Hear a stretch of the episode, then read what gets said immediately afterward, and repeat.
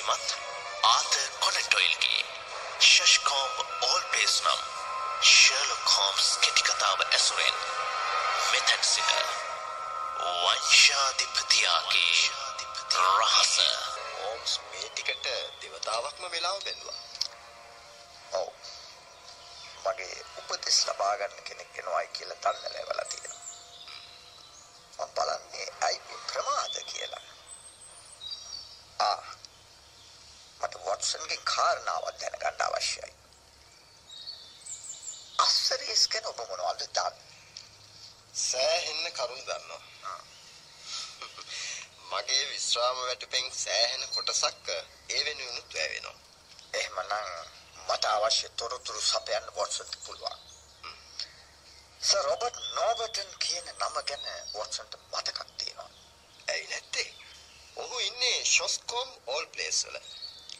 මගේ පළාත හොඳට දන්නවා. කාලයක් එහි වසන්තය ගත කරන්න පුරුදු වෙලා හිටියා. සර් රොබර්ට් වතාවක් ඔබේ අංශයට යොමු වුණා.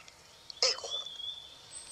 ඔහු සෑම් රූවර් කියන මුදල් පොලියට දෙන තැනැත්තට කස පහර දුන්නා නිව් මාකට් හීත් ප්‍රදේශයේදී.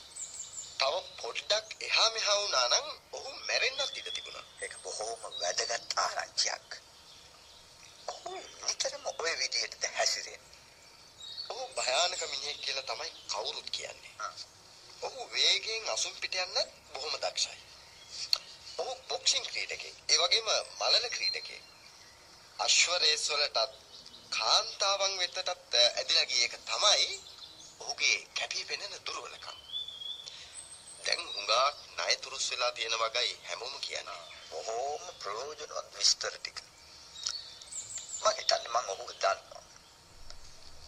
දැන් මට කියන්න ෂොස්කොම් ඕල් ප්ලේස් ගැන ඔබ දන්න විස්තර. ඒක තියෙන්නේ ෂෝස්කොම් උද්‍යානයේ මැද. සුප්‍රසිද්ධ අසුන් බෝ කරන හා පුහුණු කරන මධ්‍යස්ථානයේ තියෙන එතන. එතන ප්‍රධාන පුහුණුකරුගේ නම ජෝන් මේසන්. එහෙමනේ. පුදුම වෙන්න දෙයක් නෑ වොට්සන්. මේ මගේ අතේ තියෙන ලිපිය ඔහුගෙන් ලැබිච්ච එකක්. ඒත් මම කැමති ෂොස්කෝම් ගැන තවත් විස්තර දැනගන්න. ඒ කියපු ටික ඇහුවම මගේ උනන්දු වැඩි වුණා. ෂෝස්කොම් ස්පැනියල් බල්ලන්ට ප්‍රසිද්ධයි. හැම බලු ප්‍රදර්ශනයකම උන් අනිවාර්යයෙන්ම ඉන්නවා. ඔව්. පැටිගිරිය අනුව එංගලන්තේ ඉන්න හොඳම ස්පැනියල් වර්ගය තමයි ඒ. ෂෝස්කොම් ආර්යාව ඒ ගැන බොහොම ආඩම්බරයි. ඔය කියන්නේ සර් රොබර්ට් නෝබර්ටන්ගේ භාර්යාව වෙන්න ඕන. නැහැ. සර් රොබර්ට් විවාහුනේ නැහැ. මම කියන්නේ ඔහුගේ වැන්දඹු සහෝදරී බියට්‍රිස් ෆෝල්ඩ් ආර්යාව. එතකොට සර් රොබර්ට් ළඟද ඈ ජීවත් වෙන්නේ. නැහැ. ඔහු ජීවත් වෙන්නේ ඈ ළඟ. ඒ ස්ථානය අයිති වෙලා තිබුණේ ඇගේ මියගිය ස්වාමි පුරුෂයාට. සර් රොබර්ට් ඒකේ කිසිම අයිතියක් නැහැ. ලේඩි බියට්‍රිස් තියෙන්නේත් ප්‍රාණ භුක්තිය විතරයි. ඇය මැරුණු දවසක ඒවා අයිති වෙන්නේ ඇගේ සැමියාගේ සහෝදරයාට. ඇය ජීවත් වෙන තුරු ඇයට වාර්ෂිකව බද්දක් ලැබෙනවා. ඔය කියන බත්තත් වේදන් වෙන්නේ සර් රොබර්ට්ට වෙන්න ඇති. එහෙම කිව්වට වරදක් නැහැ. මේ මිනිහා යක්ෂයෙක්. ඒක ඇයට වදයක් වෙන්නත් ඇති. ඒත් ඇය ඔහුට බොහෝම ලැබිලු. ඉතින් මොකක්ද ෂෝස් කෝම් වල ඇති වෙලා තියෙන ප්‍රශ්නේ? ඔය එන්නේ අපි බලාපොරොත්තු වුණ තැනත්තා. ඔහුගෙන් දැනගන්න පුළුවන් සියලුම විස්තර. මිස්ටර් හෝම්ස්ට මගේ ලියුම මං හිතන්නේ හම්බ වෙන්න ඇති. ඔව් මිස්ටර් මේසන්. ඒත් ඒක කිසිම දෙයක් හරියට සටහන් වෙලා තිබුණේ නැහැ. ඔව්. මට මේ විස්තර ලියුමකින් දීලා දන්නන්න බෑ. ඒක අවදාන. ඒ වගේම මේ தત્ත්වය බොහොම අවුල් සහගතයි. මෙහෙම මූණට මුණ ගහලා කියන එක තමයි හරි. ඔව්. අපි ලෑස්ති අහුම්කම් දෙන්න. මට හිතෙනවා මගේ හම්පුතාගේ සිහි විකල් වෙලා කියලා. මේක මේක වේදී. ඒකට යන්න ඕනේ හාලෙවි. ඒකයි එහෙම කියන්නේ හේතු. කෙනෙක් විකාර වැඩක් නැත්තම් දෙකක් කළාට ඒක අමතක කරලා දාන්න පුළුවන්. ඒ කරන හැම එකම විකාර වැඩ වුණාම ළඟින් ඉන්න අය කලබල වෙනවා.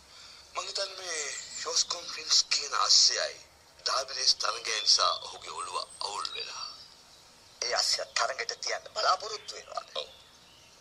අද එංගලන්තේ ඉන්න හොඳම අස්සයා. මම ඇත්තම කියන්න. සර් රොබර්ට් මේ රේස් තරගෙන් කොහොම හරි දිනන්න ඕන. දැන් 17ටම ණය වෙලා තියෙන්නේ. මේක තමයි ඔහුට ලැබෙන අන්තිම අවස්ථාව. ඒ කිව්වේ ඔහු Tamanට ලබා ගන්න පුළුවන් හැම පැන්සියක්ම අරගෙන මේ අස්සය වෙනුවෙන් ඔට්ටු අල්ලලා ඉවරයි. අනික හොඳ විදිහටයි ඔට්ටු ගන්නෙ. දැන් එකට 40යි. මුලදී එකට 100 ගානෙත් ඔට්ටු අරගෙන තියෙනවා. අස්සය ඔය කියන තරම් හපනෙක් නම් ඇයි එකට 40ක් වගේ ලොකු ගාණක් ගෙවන්නේ? අස්සයා ඒ තරම් දක්ෂවක කවුරුවත් දන්නේ නැහැ. සර් රොබර්ට් එක තරවකාරයන්ගෙන් වසන් කරගෙන ඉන්නේ. පුහුණු වීම වලදී ඉදිරිපත් කරන්නේ ඒ හැඩහුරු කමම තියෙන වෙනස්ෙක්. හරි. එතකොට ඒකයි රහස. ඔව්. සර් රොබර්ට් ඇති වෙන්නේ හරි නැති වෙන්නේ හරි මේ අස්සයාගෙන්. එතකන් නායකාරින්ම නවත්තගෙන ඉන්නවා. ප්‍රින්ස් පැරදුනොත් ඔක්කොම ඉවරයි. හරි. මට සේරම තේරුම් ගන්න පුළුවන්. ඒත් උමතු වෙලා කියන්න හේතුව මොකක්ද? එස් දෙක අමුතුයි මට හිතෙන්නේ රෑට නින්දක් නැහැ කියලා මුළු දවසම ඉන්න ස්ථාලේ ඔක්කොටම වැඩි අදාගන්න බැරි බීට්‍රිස් ආර්යාවට සලකන විදිය ඇයි මොකද එතන වෙලා තියෙන්නේ? දෙන්න බොහෝම හිතවත් කමින් හිටියේ දෙන්නම අස්සෙන්ට ආදරේ හැමදාම එකම වෙලාවට අස්සයෝ බලන්න ගියා හැමෝටම වැඩිය ප්‍රින්ස් ආදරේ ඈෙන් අස්ස කරත්තේ රෝද බොරළු වල හැපෙන සද්දෙට කන් දීගෙන ඉඳලා ප්‍රින්ස් ළඟට දුවගෙන එනවා ඇගේ අතින් දෙන සීනි පෙත්ත කන්න. දැන් ඒ ඔක්කොම ඉවරයි. ඇයි අස්සය ගැන ඇගේ තිබුණු උනන්දුව නැත්තටම නැති වෙලා. දැන් සුමානයක් තිස්සේ අස්ස කරත්තේ නැගලා ස්ථාලේ ළඟින් යන්නේ ඒ පැත්තවත් නොබලා. ඇයි දබරයක් ඇති වුණාද? දරුණු මාරවුලක් ඇති වෙලා තියෙනවා. නැත්තම් නැත්තම් ඈ දරුවෙක් වගේ ආදරෙන් හදාගත්ත ස්පැනියල් බල්ලව කාටවත් දෙන්නේ නැහැ. සර් රොබර්ට් දවස් 3-4කට කලින් බල්ලව හැතක්ම තුනක් දුරින් තියෙන ග්‍රීන් ඩ්‍රැගන් තානායම අයිතිකාර බාන්ස්ට දුන්නා. ඒක නම් පුදුමාකාර සිද්ධියක්. ඇගේ අසනීප ගතිය නිසා ඈට එහෙම යන්න බෑ. ඒත් සර් රොබර්ට් හැමදාම හවසට පැය දෙකක් ඇගේ කාමරේ ගත කළා. දෙන්න ඒ තරම් ඇල්මෙන් හිටියේ. ඒත් ඒ ඔක්කොම දැන් නතර වෙලා. ඔහු ඈ ළඟටවත් යන්නේ නැහැ. එකෙන් ඇගේ හිත පෑරිලා. ඒ හිතේ අමාරුවට බොන්න පටන් අරගෙන. කිසිම කතා බහක් නැහැ. ඔය දබර වෙන්න කලිනුත් ඈ බිව්වද? බිව්වේ නැහැයි කියලාම කියන්න බෑ. දැන් ඒක දවසකට බෝතලයක් දක්වා වැඩි වෙලා. ස්ටීවන්ස් කියන ආවදේවකාරයා කියන්නේ එහෙමයි. හැම දෙයක්ම වෙනස් වෙලා මිස්ටර් හෝම්ස්. හැම දෙයක්ම වෙනස් වෙලා. මොකක් හරි මහ බරපතල වරදක් සිද්ධ වෙලා තියෙනවා. අනික සර් රොබර්ට් මොනවද පල්ලිය සුසාන් භූමියේ කරන්න කියන එක ප්‍රශ්නයක්.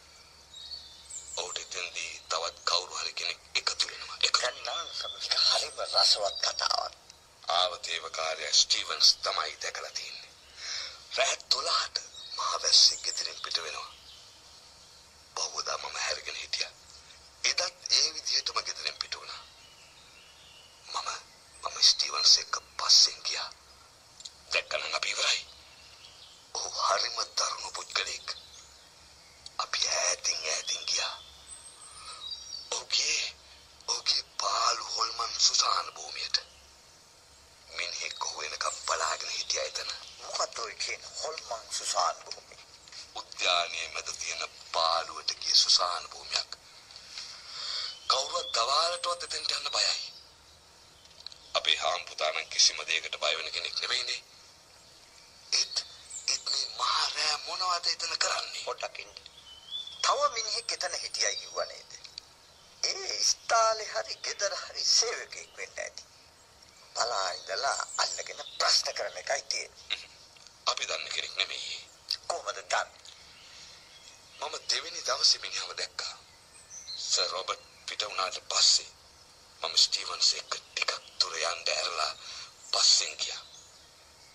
එදා එදා හොඳට හඳ එළිය තිබුණා. අපි හඳ එළිය ඇවිදින්න යන විදියට ගියා. අපි හරියටම මිනිහගේ ඉස්සරහටම ඇවිත් කොහමද ඉතින් යාළුවා කියලා ඇහුවා. ඒ ඇහුවා විතරයි. මිනිහා අවතාරයක් දැක්ක වගේ පණ එපා කියලා දිව්වා. කොච්චර හෙව්වත් හොයාගන්න බැරි වුණා. ඒ හඳේලි හොඳට දැක්කයි කිව්වා. ඔව්. නිකන් රස්තියාදුකාරයෙක්. සර් රොබර්ට් එක්ක තියෙන ගනුදෙනුව මොකක්ද කියලා හිතාගන්න බෑ. කවුද ලේඩි බීට්‍රිස් ළඟ තනිවට ඉන්නේ? කැරි ඉවන්ස් කියන සේවිකාව. එළඟට ඇවිත් අවුරුදු පහකට වැඩි. ඇයට හිතවත් ඇති. කාට හිතවත්ද කියන එක නම් මම කියන්න කැමති නෑ. හරි. මට හිතා ගන්න පුළුවන්. ડોક્ટર වොට්සන් මට පැහැදිලි කරපු විදිහට සර් රොබර්ට්ගෙන් ගැලවෙන්න ගෑනු කෙනෙකුට පහසු නෑ. ඕක වෙන්න බැරිද අක්කගේ මල්ලිගේ අමනාපයට හේතුව? ඔය සම්බන්ධේ කලක් ඉඳලා තියෙන එකක්. ඒ ලේඩි බීට්‍රිස් කලින් දැනගෙන ඉන්න නැතුව ඇති. අපි හිතමු හදිස්සියේ මේ වගේ දැනගෙන මේ ගෑනු කෙනාව එලව ගන්න හැදුවා කියලා. මලයා ඒකට කැමති වෙන්න නැතුව ඇති. එක්තෙන් වෙච්ච මිනිස්සයාට ඒක කරන්න හයියක් නැහැනේ. එහෙම බැරි හන්දා ඒ තරහට කතා නොකර ඉන්නයි බොන්නයි පටන් ගන්න ඇති. සර් රොබර්ට් තරහට බල්ලවගෙන් වෙන් කරන්න ඇති. ඔව් එහෙම වෙන්න පුළුවන්. ඒ රැට පරණ කැරකෝප්පුවට යන එක පැහැදිලි නෑ. ඒ විතරක් නෙවෙයි. සර් රොබර්ට් මොකටද පරණ මිනිහා කාර්ලා ගොඩ ගන්න කියන එකත් ප්‍රශ්නයක්. මොනවා? අපි ඊයේ තමයි දැනගත්තේ. ඒ මිස්ටර් හෝම්ස් ලියුමේවට පස්සේ මොකද හරියට මොනේ? සර් රොබර්ට් ලන්ඩනයට ගියා. ඉතින් මමයි ස්ටීවන්සේ ගිහින් බැලුවම දැක්කා. මලමිනියක කොටස්. පොලිසියට මේ වගේ දන්නත් ඇති. මම හිතන්නේ පොලිසිය මේ ගැන උනන්දුවක් දක්වයි කියලා. ඒ තිබුණේ හුඟා පරණ දි รา පත් වෙච්ච මලමිනියක හිස් කබලයි ඇට කැපිලි දෙක තුනකුයි. අවුරුදු 1000ක්වත් පරණද මන් දන්නේ හැබැයි ඒත් කලින් එතන තිබුණේ නැති වගේ මටයි ස්ටීවන්ටයි දිවුරලා කියන්න පුළුවන්. මොකද ඒකට කළේ? තිබුණ විදියටම තියෙන ඇරියා. ඒක නුවණට හුරු වැඩක්. සර් රොබර්ට් ඊයේ ගෙදර හිටියේ නෑ කිව්වා. දැන් ඇවිත් අද ආපහු වෙයි. සර් රොබර්ට් කවදද අක්කගේ බල්ලව දීලා දැම්මේ? හරියටම සුමානකට කලින් පල්ලා පරණ ලිඳක් ළඟට වෙලා පුරන්න පටන් ගත්තා. සර් රොබර්ට් ඌව අල්ලගත්ත හැටියට මම හිතුවා මරයි කියලා.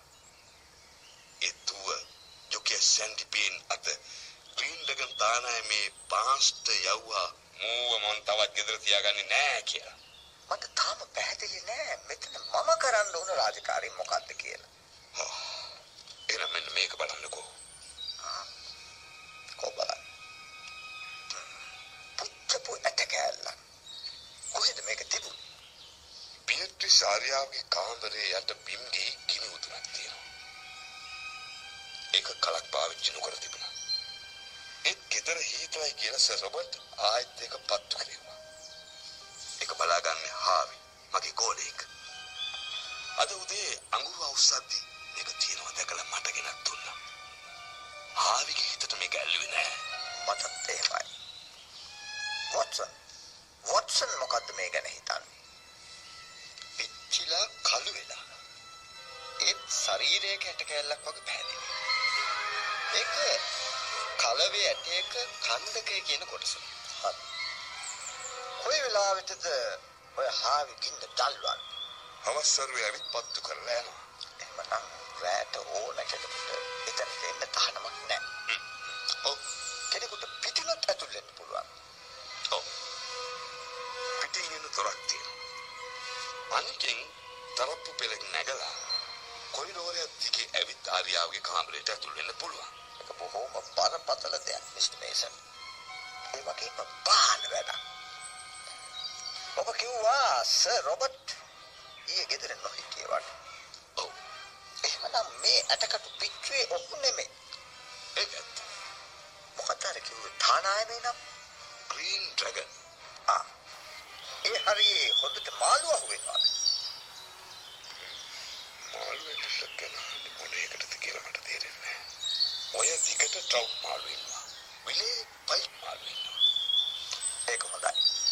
වොට්සනුයි මමයි මාළු බාන්න තාක්සියෝ.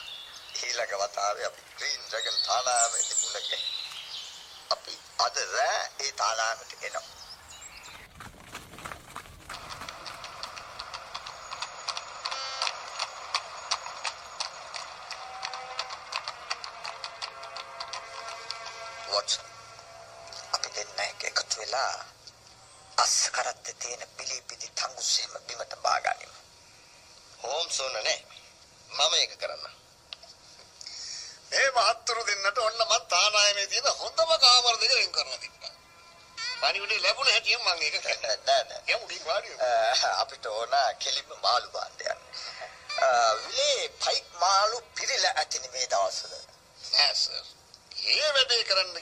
අන්තිමේ විලපතුලේ තමයි නතර වෙන්න සිද්ධ වෙන්නේ. ඒ කොහොමද?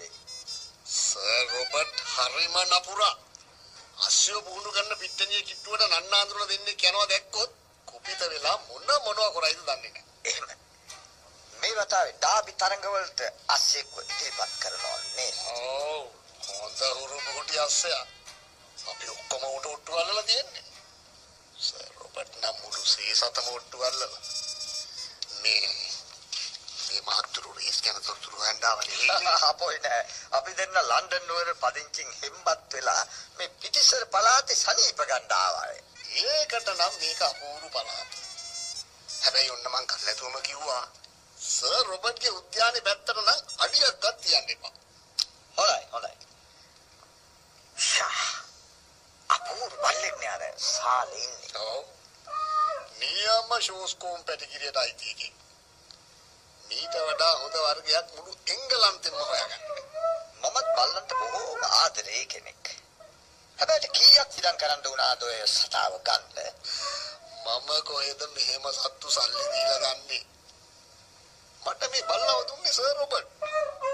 ඒකයි ඔය බැඳලා දාලා තියෙන්නේ. ලැහපු ගමන් එහාට දුවලා.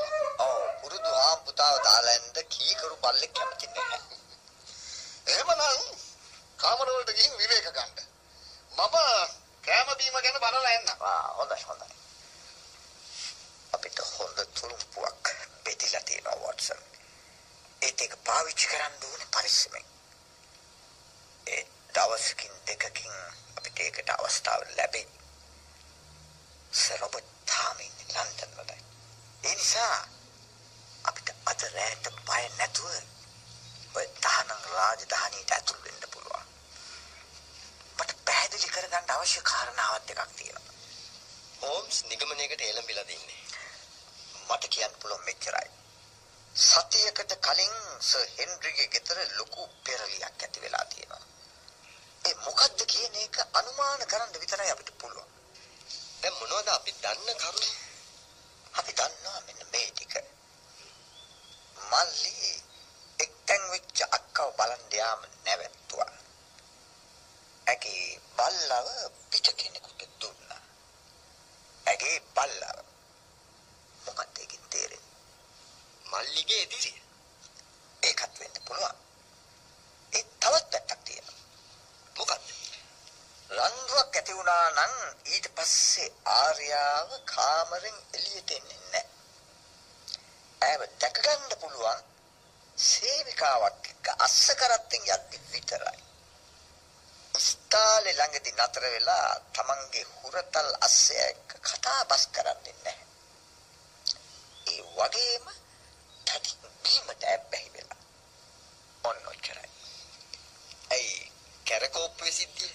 ඒක අපි දැනට මොහොතකට අමතක කරලා සර් රොබර්ට්ගේ තත්ත්වය බලමු.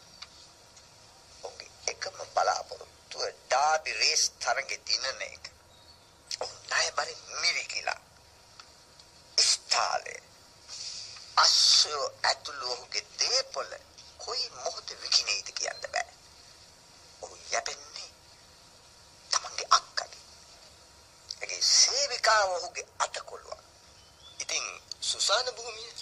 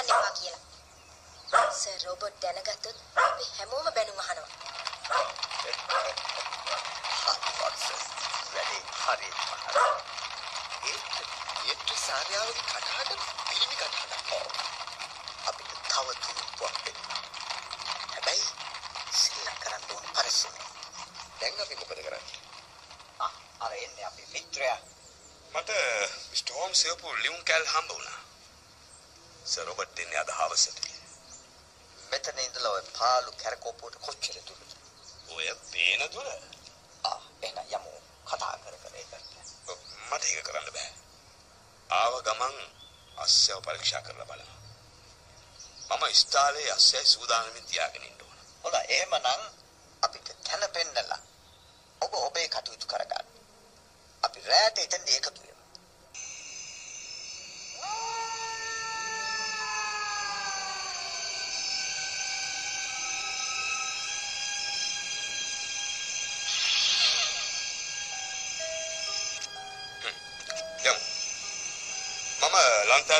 ගන්න ඉස්සර වෙලා. හරිම මෝසල තැන. මහ පාළු ගඳකුත් තියෙනවා. ඔව් මෙතන පාළුවට ගින් සෑහෙන කාලයක්. කොහෙද අර ඇටකටු වගේක් තියෙනවයි කියන්නේ. ඔනෝ මුල්ලේ. ඒ වතුර දාන්න වෙලා මම බලාපොරොත්තු වුණා. ඒ වගේ අලුතාමත් ඇති අර ගිනි. ඒත් අවුරුදු 1000කට විතර කලින් දරුණ කෙනෙකුගේ ඇටකටු පුච්චලා දාන්න කෙනෙකුට තියෙන ඕනකම මොකක්ද? ඒක දැනගන්න තමයි අපි මේ ආ. එහෙමනම් ඉස්මේෂන් යන්න. අපි ඉතින් බලා ගන්න. හොඳයි හොඳයි. පමි.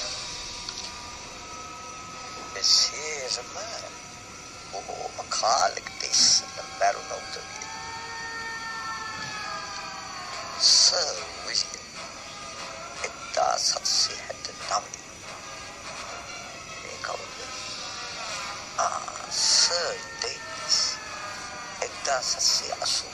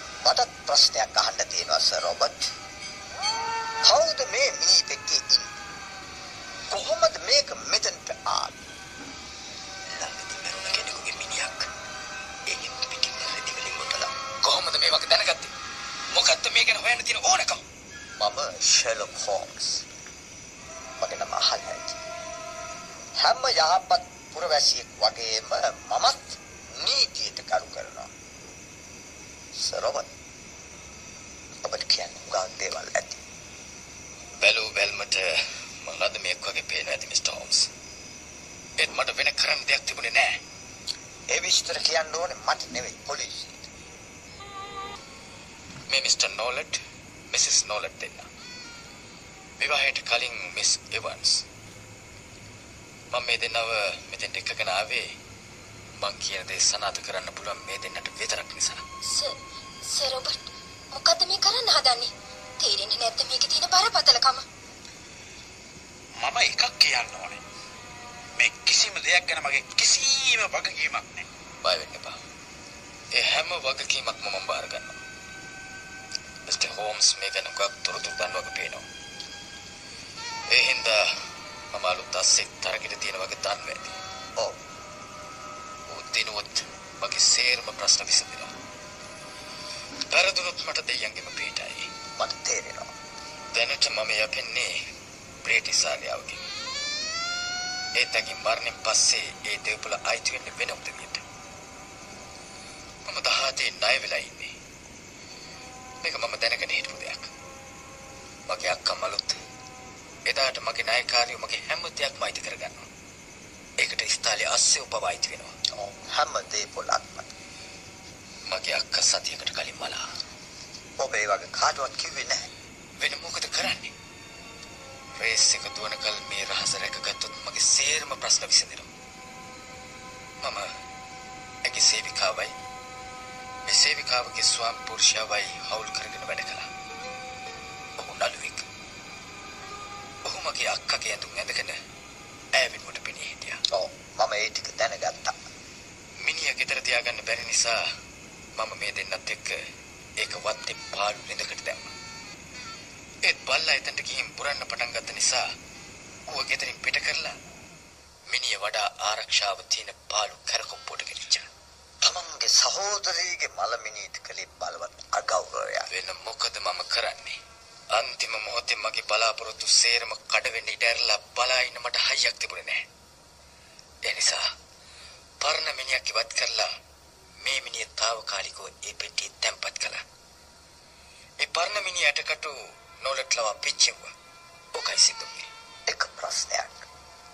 ඔක්කොම දේපල විකිනිලා ගියත් අස්සය දිනු ප්‍රශ්නේ විසඳෙනවා නම් ඇයි මෙහෙම දෙයක් කළේ? අස්සය දීපලවලම කොටසක්. මගේ ප්‍රධාන නායකාරයා මගෙන් කසපහර කෑව හතුරෙක්. කීයටවත් මාව සතුටු කරන්න අස්සයාව ඉතුරු කරන්නේ නැහැ. මේ ගැන මට පොලිසියට කියන්න සිද්ධ වෙනවා. ඒක නොකළොත් මම මගේ පුරවැසි යුතුයකම් පැහැර හැරිය වෙනවා. මේ රේස් තරගේ පැවැත්වෙන කල් ඒක ප්‍රමාද කරන්න කියලා මම ඉල්ලා හිටිනවා. හොඳයි. මම ඒ එල්ලීමට ඉඩ දෙන්නම්. ඕම් මේ බලන්න පත්තරේ ෂෝස් කොම්ප්‍රින්ස් අස්සයා ඩාවි තරගෙන් පළවෙනියා වෙලා අස්සේ අයිතිකාරයට ලැබුණු ගාන පවුම් 8000ක් එහෙමනම් සේරම ණයතුරුස් බේරලා ආපහු ඔළුව උස්සන්න සර් රොබර්ට් අවස්ථාව ලැබුණා.